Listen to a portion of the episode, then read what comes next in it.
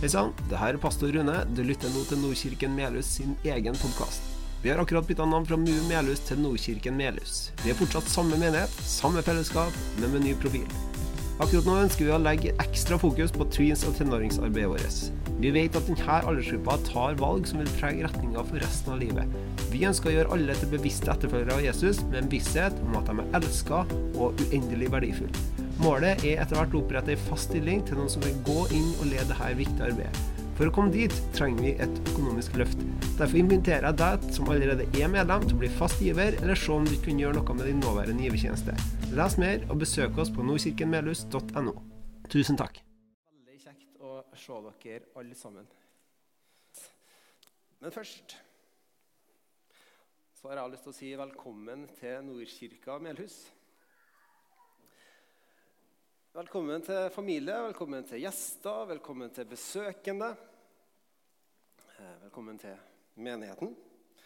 Mitt navn er Rune Brevold Haugen, og jeg er pastor i Nordkirka Melhus. Og så er jeg så heldig å få lov til å ha vært eh, konfirmantleder for denne fantastiske, flotte gjengen på fremste rad. Og den raden bak der. Og Det sier ikke jeg bare for at det er en fin ting å si, men denne gjengen er en veldig flott gjeng. Jeg har fått lov til å bli bedre kjent med dem i løpet av det siste året. Og det er en god gjeng. Fått lov til å bli veldig glad i dem òg. Så det er jo på en måte litt sånn vemodig å avslutte et eller annet her. Men vi, vi markerer ikke avslutninga. Men vi markerer et eller annet. Det gjør vi. Vi, avslutter, vi markerer avslutninga på konfirmantåret i Nordkirka, eller MUV, da, som vi het før. Og samtidig markerer vi en overgang. Noen vil si at vi markerer en overgang fra barn til voksen, men dere er ikke voksen. Det, det har jeg forstått.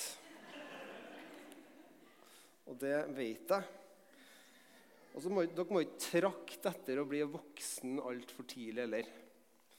Ikke tenk at nå er jeg voksen, for plutselig så er det sånn at når dere inviterer venner hjem, så sitter dere i sofaen, drikker kaffe og prater. Ikke noe mer. Det er det man gjør. Det kan være trivelig, det, altså. Det kan det. Men jeg tenker at dere, når dere inviterer venner over, så se en film, game sammen, dra på fotballbanen, eh, cruise på sparkesykkel, dra på ungdomsklubben, heng litt, vær ungdommer. Det er min oppfordring. Temaet for i dag er òg neste kapittel. Det er på en måte hovedtemaet for høsten i Nordkirken. neste kapittel, Og det passer egentlig ganske bra. For dere er på mange måter over eller på vei inn i et nytt kapittel. Vi har opplevd veldig mye kjekt sammen. Vi har booka bedehuset for en Viken. Vi har hatt eh, kjendiskino med rød løper. Vi har eh, døgna og herja på bedehuset. Jeg tror klokka var halv tre når jeg ga opp for å få dem til å sove. Da ga jeg jobben videre til noen stakkars stakkars nattevakter som egentlig skulle være brannvakt. De fikk oppgaven å få dem i seng, for da kapitulerte jeg. Og Dagen etter så viste det seg at det hadde de ikke klart. Det var mye trøtte ungdommer dagen derpå. Men det var veldig artig. Det var en veldig artig Viken. Vi har samla oss i fredagskveldene nede i kjelleren. Der har vi tenkt, grubla, stilt spørsmål. Eh, fundert. Ja. Vi har hatt mye gode samtaler. Vi har delt tro, vi har delt tvil. Og det har gitt veldig mye. Vi har vært på Impulsfestivalen, som flere av dere påpekte som et høydepunkt i konfirmanttida. Jeg vet ikke hvor ofte dere foreldre ser ungdommene deres eh, danse og hoppe og flire samtidig. Men det har jeg sett. Så de har det i seg. Ingen tvil om det. Ikke noe å bekymre seg over. Og I nedstengninga av eh, samfunnet så har vi hatt videosamtaler eller videomøter. Det var ikke helt det samme som å møtes som fysisk, men vi gjorde det òg. Og vi har vært sammen i blod, sverte og tårer, bokstavelig talt. Da sikter jeg til paintballkrigen på Lefstad i juni. Den gikk litt hardt for seg. Men ingen ble skada. Sånn alvorlig i hvert fall. Så det gikk, det gikk fint. Sånn skal det være.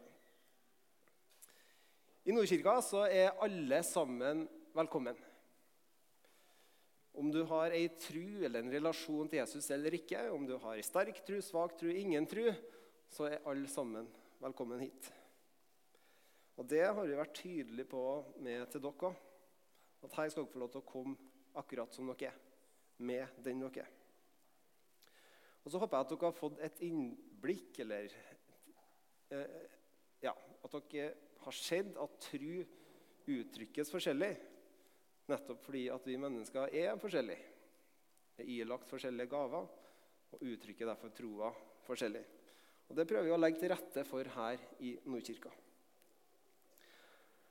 Den talen her den skal egentlig være en sånn oppsummering på det vi har snakka om i konfirmantåret. Eh, men det innså jeg at det er ikke enkelt, for vi har snakka om veldig mye. Men jeg har lyst til å ta utgangspunkt i en historie en historie i, som er henta fra Markus i Det nye testamentet. Markus han var en av Jesus sine nærmeste en av Jesus sine nærmeste etterfølgere, og han vitna det Jesus gjorde, og skrev det, skrev det ned. Og Jesus han var en uh, veldig populær type. Han var veldig populær. Det var veldig mange mennesker som ville ha en bit av han. Samtidig så utfordra han datidas normer, og regler og myndigheter. Og var på den andre sida òg ganske hata for akkurat det. Men alle ville ha en bit av han. Han var, han var på en måte en superkjendis. Folk trengte seg på for å høre og se og ta på. Jeg vet ikke om eh, dere har vært rundt en eh, kjendis før. Faren min, som er pensjonert politimann, har kjørt drosje i noen år nå. Og Han eh, fortalte en historie for noen år siden. Så fikk han et henteoppdrag i Trondheim sentrum. Det var konsert, det var masse folk som skulle hjem til plassene sine. Så han fikk et av oppdragene, stilte seg opp på avtalt plass. Så kom det to personer og satte seg i bilen. Så tror jeg det tok to sekunder. Så kom det en flokk av tenåringer, omringa bilen og begynte å hamre på og hyle. sant? Han skjønte jo ingenting hva, hva, hva som skjer. Hva er det her? på en måte? Og de bak i bilen bare Kjør, kjør, kjør! Og han gassen i bånn og dryla ut. Han kjørte fint ut. Men han kom seg i hvert fall vekk fra det her hysteriet. Og så viste det seg at det var en som heter Isak Elliot, som satt bak i bilen. Tenåringsidol. Det er ikke sikkert folk har hørt om ham engang. Vet hvem det er. Tenåringsidol. Det var litt hysteri. Og Litt sånn tror jeg det var på Jesu tid òg, bare at jeg tror at det var enda mer. da. Enda mer hysteri rundt han. Markus han forteller en historie om at, eh, om at folk pressa seg sånn på at eh, han og disiplene ble pressa ned til ei strand, til innsjøen Genesaretsjøen. Og folk pressa seg sånn på at Jesus og disiplene måtte opp i en båt så sto de der. Og der sto Jesus og, og underviste til folket. Så vi måtte oppi der, sånn at alle sammen fikk, fikk, høre. Og Det er litt av konteksten. Konteksten er at nå blir kveld. da.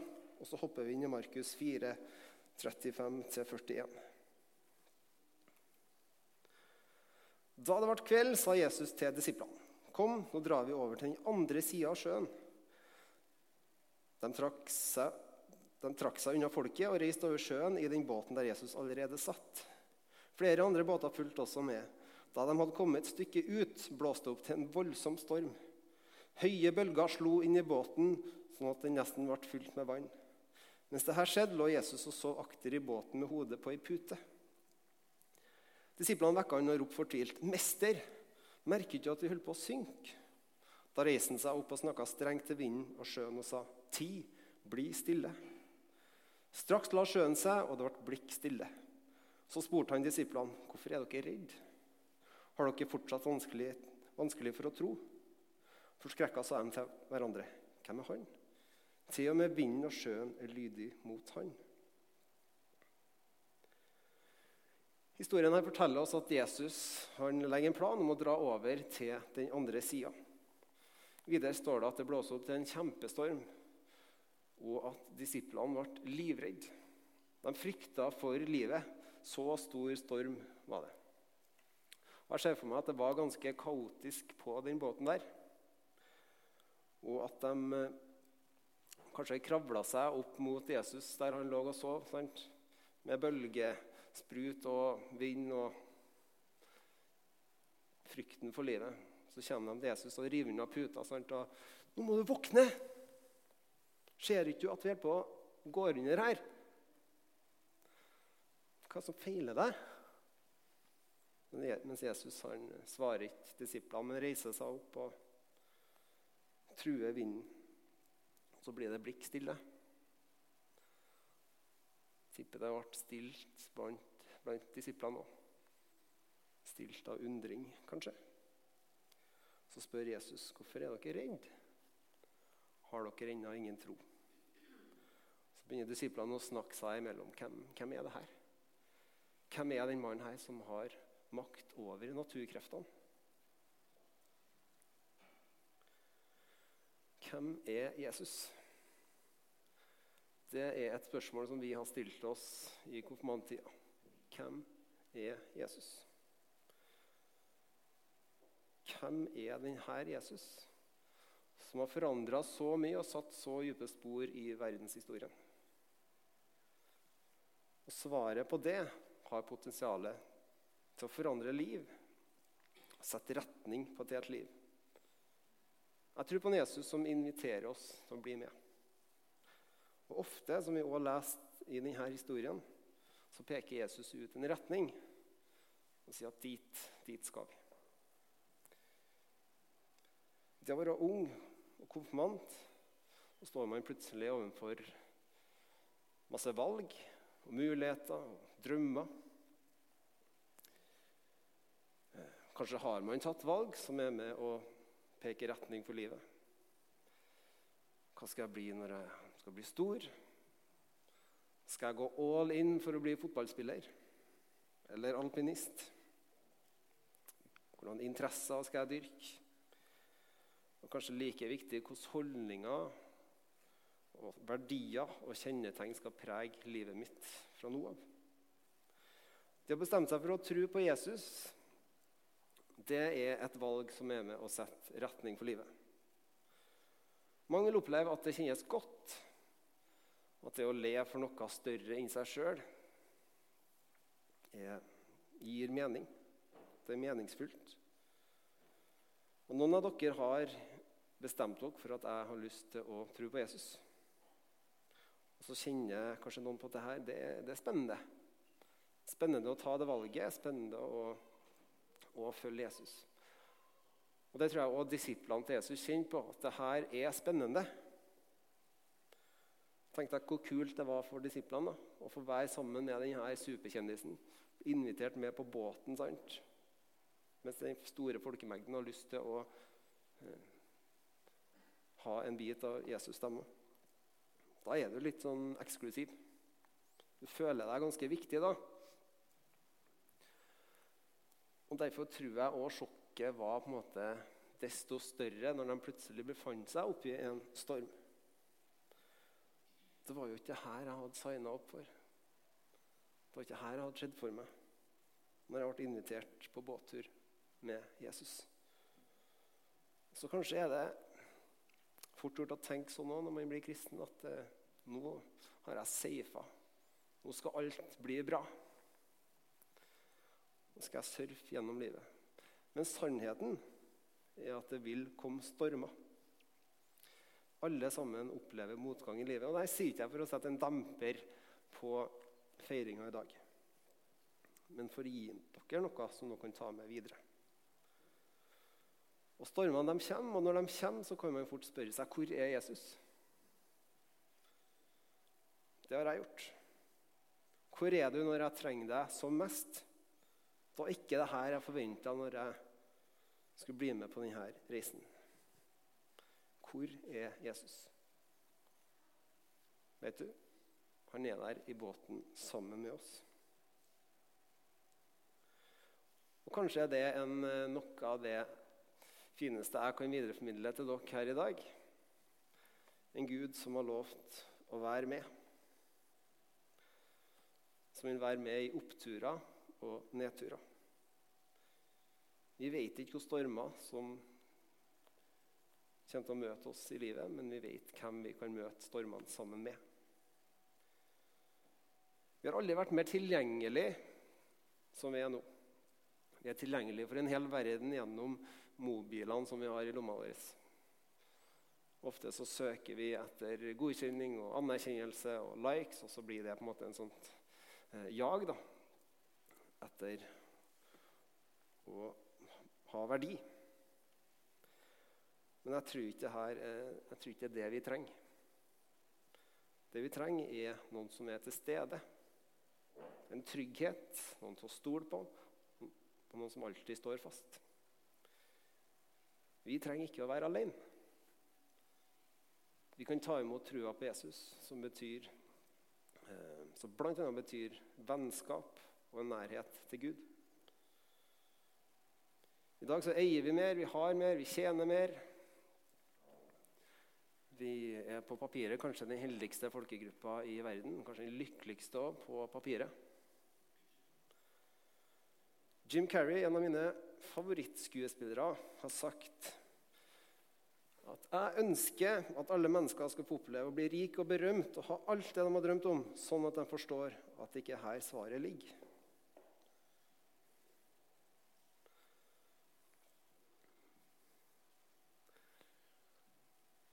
Freddie Mercury, vokalisten i fantastiske Queen, som døde i 1991, innrømma i et av sine siste intervjuer at han var uendelig ensom. Han sa at du kan eie alt i hele verden og likevel være verdens mest ensomme menneske. Og det er den bitreste formen for ensomhet. Suksess har ført til at jeg har blitt forguda av en hel verden, har tjent millioner av pund, men det har hindra meg i å oppnå det vi alle trenger mest et kjærlig, vedvarende forhold. Og det tror jeg han har rett i. Vi som er kristne, vi tror at det er bare én relasjon som er fullkommen i kjærlighet og varighet. Og det er en relasjon til Gud.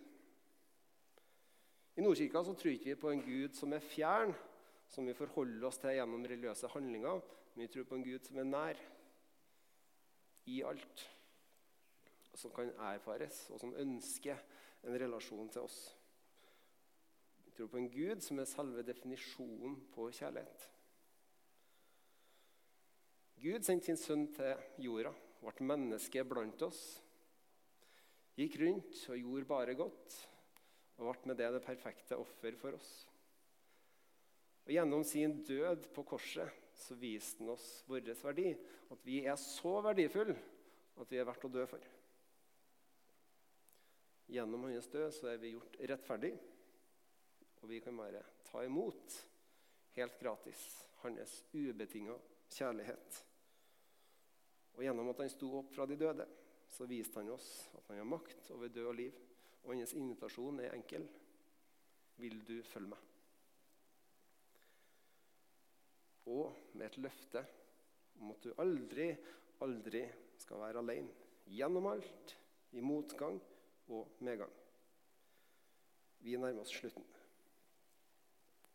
Gode venner, stormene, de vil komme.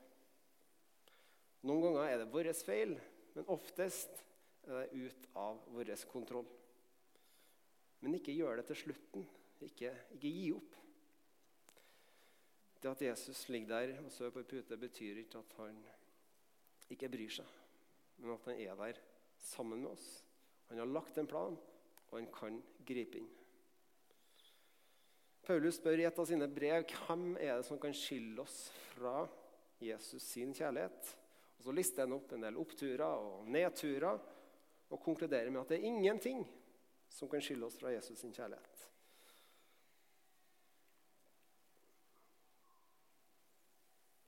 Fra Romerne 8, 35-39. Hvem kan skille oss fra Kristi kjærlighet? Nød, angst, forfølgelse, sult, nakenhet, fare eller sverd? Som det står skrevet, for din skyld drepes vi dagen lang, vi regnes som slaktesauer. Men i alt dette vinner vi mer enn seier ved Han som elsker oss. For jeg er viss på at verken død eller liv, verken engler eller krefter, verken det som nå er eller det som kommer, eller noen makt, verken det som er i det høye eller det dype, eller noen annen skapning, skal kunne skille oss fra Guds kjærlighet i Kristus Jesus, vår Herre. Det er et løfte som står fast gjennom et helt liv. Og midt i ei bok så er det som oftest et neste kapittel. Og det er det også i den historien som vi leste om Jesus og disiplene. Første setningen i neste kapittel, Markus 5, står det Så kom de til den andre sida. Så kom de til den andre sida. Kjære konfirmanter. Gratulerer med dagen. Håper at dette ikke er slutten for uh, vår relasjon. Her i Nordkirka så er det alltid åpent. Jeg har lyst til å invitere opp eh, en blaze-styre. Kristian, Fabian og Arne. Jeg skal bare vise dere fram. Trenger ikke å bli redd.